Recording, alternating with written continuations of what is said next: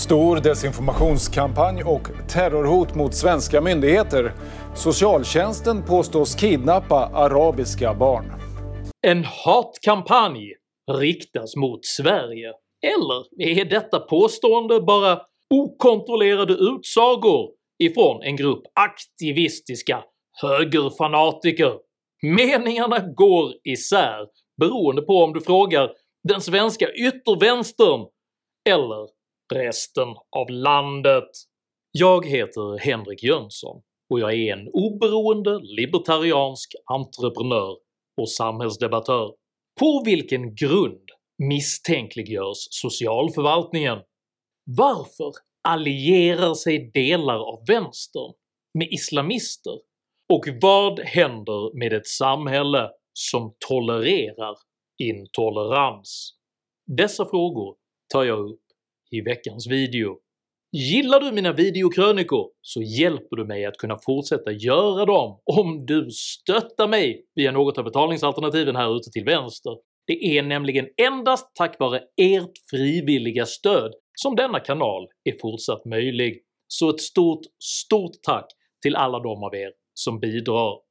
Är du ny här på kanalen så kan du dessutom med fördel prenumerera här nedanför, men skriv framförallt upp dig på mitt kostnadsfria veckobrev som finns länkat i videons beskrivning, så missar du garanterat aldrig när jag släpper nya filmer, vilket jag gör av desinformationsbekämpande skäl varenda lördagsmorgon klockan 08.00 svensk tid.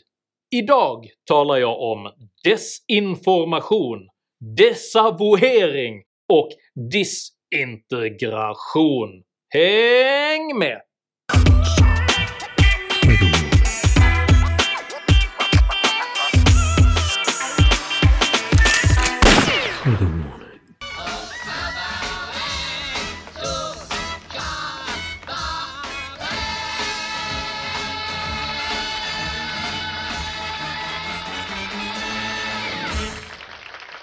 Musikalen Cabaret från 1966 skildrar den sönderfallande Weimarrepublikens demokratiska förfall. Den färgsprakande Kit Kat-klubbens toleranta hedonism kontrasteras mycket brutalt med samhällets allt mer auktoritära moralism, uttryckt i form av nazister och kommunister där kabaréklubbens spretiga metaforik kännetecknas av individualism och bejakande av avvikande livsstilsval präglas de auktoritära krafterna istället av hatkampanjer och uppmaningar till våld mot oliktänkande. The Nazis are just a gang of stupid hooligans, but they do serve a purpose. Let them get rid of the communists, later we'll be able to control them. I slutet av januari avslöjade den partipolitiskt och religiöst obundna stiftelsen DOKU en internationell hatkampanj riktad mot svensk socialtjänst och dess medarbetare. Just nu pågår en hetsk kampanj mot svenska myndigheter på internet. En kampanj där Sverige beskrivs som en fasciststat som kidnappar muslimska barn. Kampanjen har tagit avstamp i uppfattningen att socialtjänstens lag om vård av unga, LVU, används för att kidnappa muslimska barn.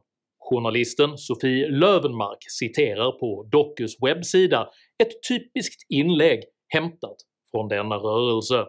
“Socialtjänsten i Sveriges alla kommuner är kriminella, bovar och brottslingar deras handlingar uppgår till krigsförbrytelser mot mänskligheten, barn och invandrar och muslimska familjer i synnerhet. Sverige är på väg att bli en terroriststat kodifierad av den så kallad “lag om vård av unga” LVU, barnskyddslagen. Vanföreställningen att den svenska socialförvaltningen kidnappar muslimska barn har förstärkts genom bland annat emotionellt laddade videofilmer på nätet. En pappa står i snön och ropar mot ett socialkontor. Han vill ha tillbaka sina barn som han påstår har blivit kidnappade av svenska myndigheter. Pappan i George Tumas video hävdar att barnen omhändertagits på felaktiga grunder. Men enligt domstolsbeslut har det förekommit våld i hemmet och föräldrarna ska ha avböjt frivilliga insatser som de tidigare erbjudits. Han är uppvuxen i en, en grovt kriminell familj där flera av hans stora syskon har suttit i fängelse. Hans föräldrar är kriminella båda två. De har precis vräkts från sitt boende på grund av kriminalitet. Hatkampanjen har även lett till storskaliga demonstrationer i flera svenska städer där uppfattningen att socialförvaltningen otillbörligen fråntar muslimska föräldrar deras barn förstärks. Och idag så arrangerades en demonstration mot hur socialtjänsten omhändertar barn i familjer med utländsk bakgrund. Det är upprörda röster på Mynttorget. Här, utanför Sveriges riksdag, har man nämligen samlats för att demonstrera mot hur socialtjänsten omhändertagit barn i flera kommuner. Demonstranterna menar att barnen omhändertagits på rättsosäkra grunder.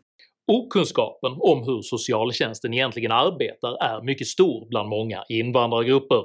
Stiftelsen Doku citerar anmärkningsvärda påståenden som nu sprids på nätet.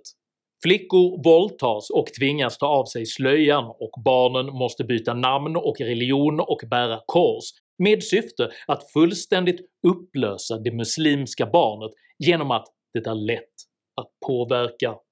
I sociala medier sprids kommentarer om att svenska myndigheter kidnappar muslimska barn för att ändra deras traditioner och kommentarer om att Sverige håller på att bli en terroriststat. Enligt Bettan Bivald är en del av problemet att man i vissa grupper varken vet hur socialtjänsten arbetar eller hur det svenska rättsväsendet fungerar. Det finns en stor rädsla mot socialtjänsten bland vissa invandrargrupper i Sverige. och Det har funnits under många år. Bristande kunskap utifrån hur det här går till. Mm. Det är ju kopplat till en rättsprocess. Du får en advokat, du får gå till en domstol, du kan överklaga. Det har de ingen aning om. Oaktat den låga kunskapsnivån så äger frågan politisk sprängkraft, vilket det nystartade muslimska intressepartiet Nyans har tagit fasta på. Ett nytt parti har bildats i Sverige. Partiet heter Nyans och eh, det är ett kontroversiellt parti. Nya partiet deltar i protesterna kopplas till kampanjen mot Sverige. Nyans vill bli muslimernas röst och bränner ner Lars Vilks konstverk. Det här är bara några av de rubriker som har varit den senaste tiden. På Mynttorget är det många som hävdar något annat. Nämligen att socialtjänsten inte fungerar som den ska. Men enligt arrangören Zainab Lataif, som är medlem i det nystartade partiet Nyans har kritiken här inget att göra med det hot och hat som just nu florerar på nätet. Tidigare idag så intervjuade efter fem partiledaren Mikael Yüksel eh, som säger så här om varför LVU-lagen är en av partiets viktigaste frågor. Vi placerar barn hos uh, pedofiler som är dömda för våldtäkter. Vi, vi placerar barn hos fosterhemsfamiljer där de blir misshandlade, eh, där de svälter så vad är detta om det inte är ett missbruk? Kan du sätta ord på vad det här är för parti? Jag skulle beskriva det som ett intresseparti som är, riktar sig specifikt mot muslimer. Det här partiet, bland det som finns på deras partiprogram är att stoppa islamofobi, att inskränka yttrandefriheten så att det inte ska vara tillåtet att kränka religioner. Den rådande situationen präglas alltså både av okunskap och av kulturkonservativa religiösa idéer, vilka på många sätt står i direkt konflikt med den liberala demokratiska rättsstatens individperspektiv. Att det rör sig om just en organiserad kampanj bekräftades i Sveriges Television av Mikael Tofesson som är operativ chef för Myndigheten för psykologiskt försvar. Vi följde det här eh, långt tidigare innan det exploderade. Vi tycker att brytpunkten blev eh, den 19 januari då det fick en stor spridning i samhället, eh, i, både den svenska och utländska informationsmiljön. Och vad vi då såg också det var att när grupper som inom media, civilsamhället och myndigheter gick ut för att bemöta det här Då såg vi även ett koordinerat motangrepp. Så det här var inte bara opinionsbildning. Sen finns det en till aspekt. Man uppmanar till våld och hotar med våld. Men hur har dessa vanföreställningar om svensk socialförvaltning kunnat få så stort genomslag i Sverige?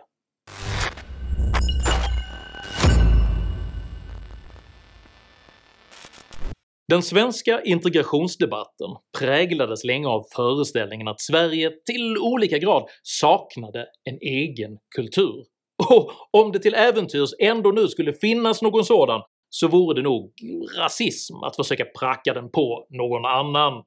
Föreställningen om att det skulle finnas en enhetlig inhemsk kultur som går tillbaka till urminnes tider, den bygger inte på fakta. Vi har alltid stått under influenser utifrån.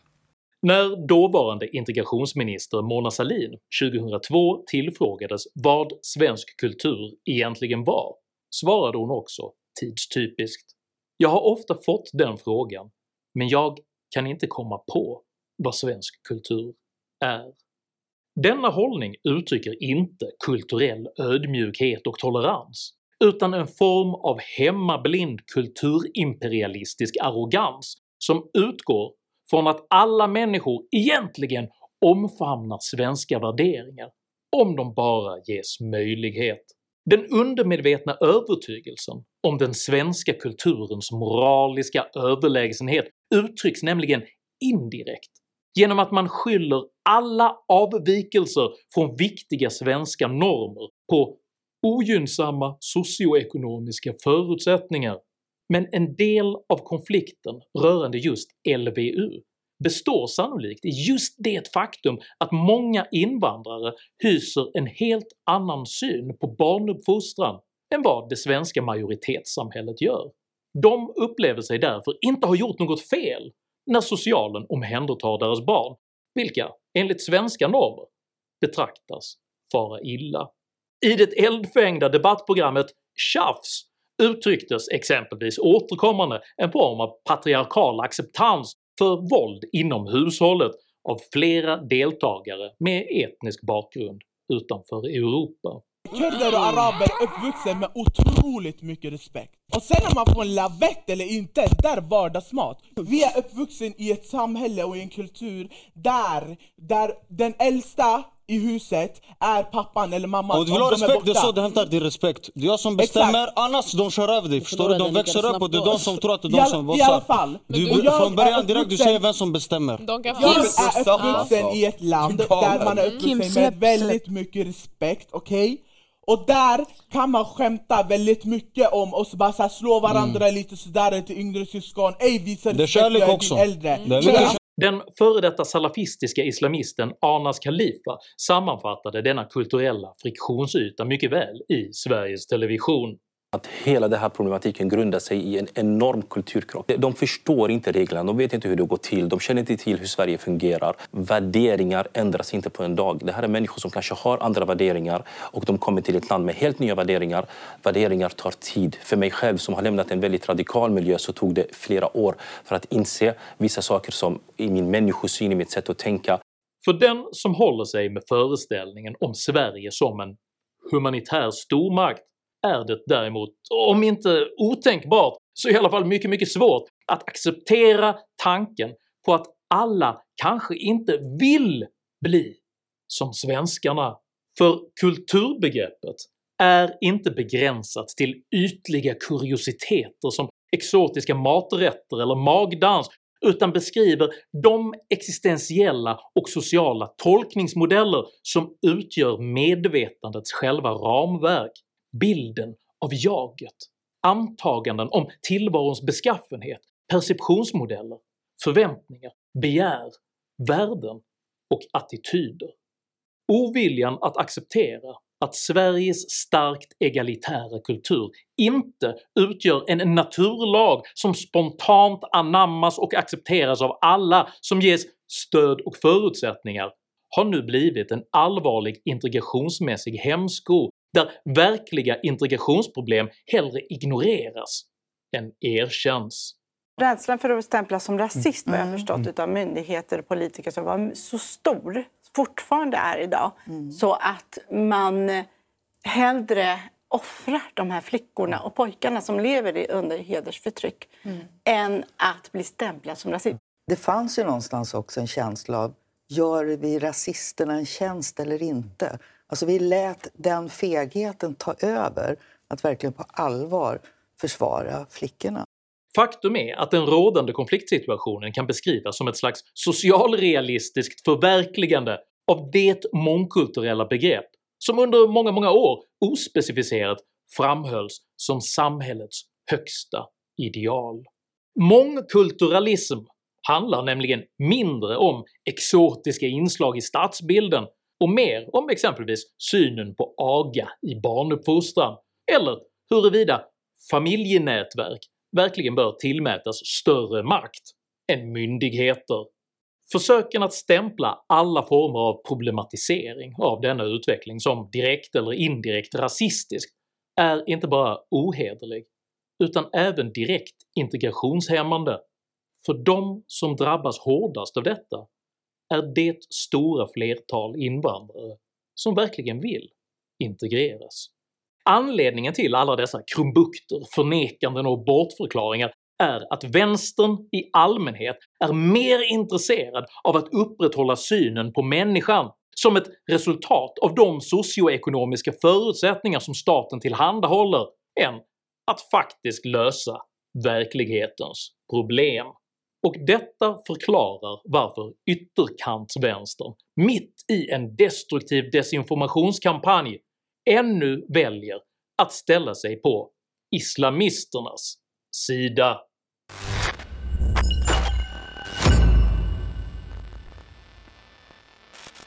Det här var också ett försök att tysta de som man uppfattar som sina motståndare, alltså de i Sverige som försöker få fram den eh, korrekta bilden av vad som händer.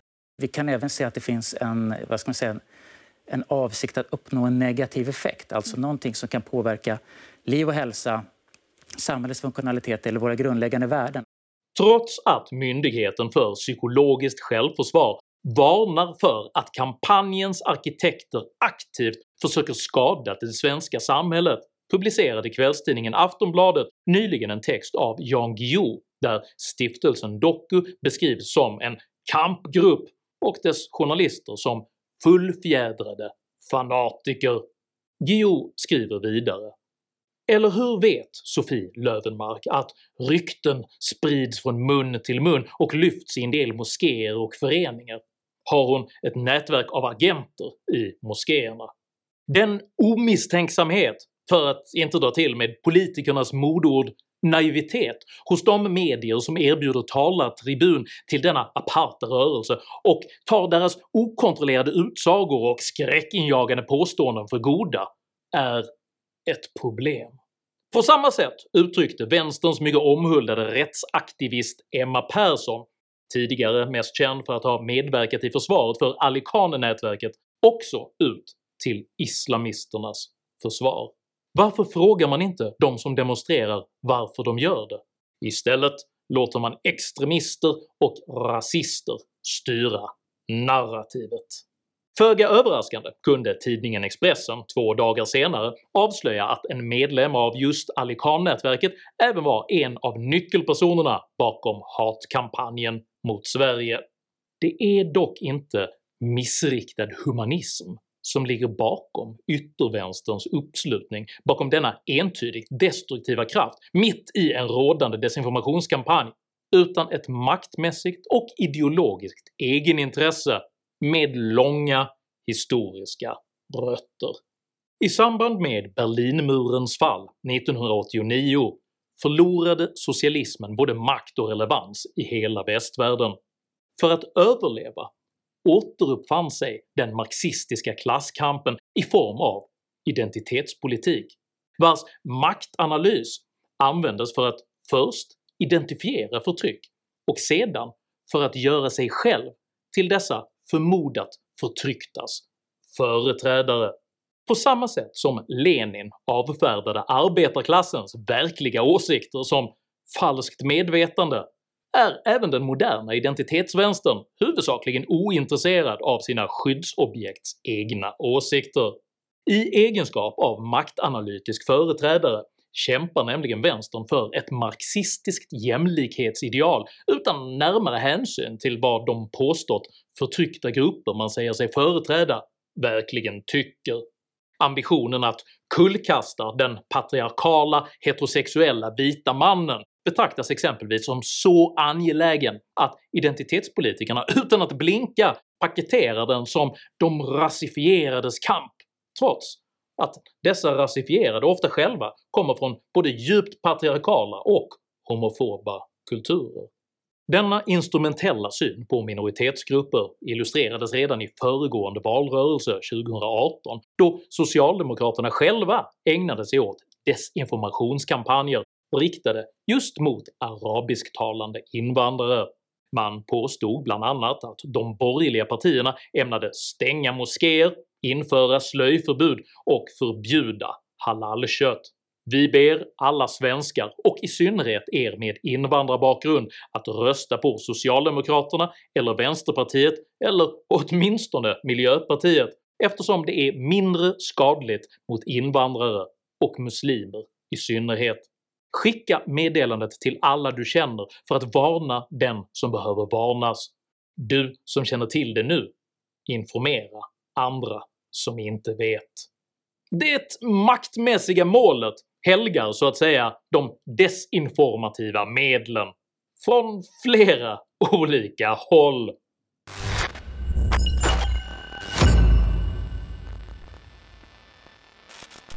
Den brittiske filosofen Karl Popper formulerade i sin bok “Det öppna samhället och dess fiender” vad som kommit att kallas toleransparadoxen.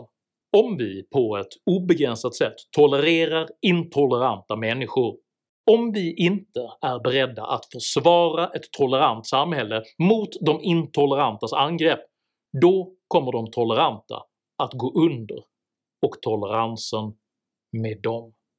Det finns goda skäl att tolerera avvikande kulturella normer, men det finns lika goda skäl att inte tolerera kulturellt intoleranta angrepp på det svenska samhället. Det finns även goda skäl att problematisera socialförvaltningens rätt att ta barn från sina föräldrar, men det finns lika goda skäl att försvara socialförvaltningen mot intolerans, lögner och rent förtal. Det finns till och med goda skäl att tolerera vänsterns auktoritära identitetspolitiska maktanalys, men det finns lika goda skäl att inte tolerera den när den befrämjar angrepp på det svenska samhället. Och gällande förhoppningen att kunna manipulera intoleranta grupperingar för att uppnå kortsiktiga politiska mål, så måste vi ytterst alla ställa oss den fråga som musikalen Cabarets allt mer cyniske protagonist ställer till sin politiskt aktive vän. You still think you can control them.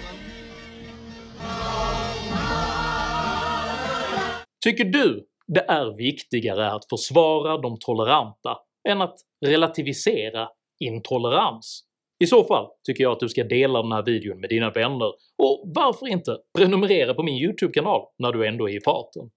Har du egna exempel på just intolerans, kulturkrockar och desinformation? Dela i så fall gärna med dig av dina erfarenheter i kommentarsfältet här nedanför. Jag uppskattar all respektfull kommunikation. Tänk dock på att alltid vara artig, även och kanske i synnerhet mot dina meningsmotståndare. Jag accepterar inte aggression, personpåhopp eller rasism i mina idédrivna kommentarsfält. Tack för att du som kommenterar respekterar detta. Jag heter Henrik Jönsson, och jag står på Sveriges sida mot både intolerans och osanningar. Tack för mig, och tack för att du har lyssnat.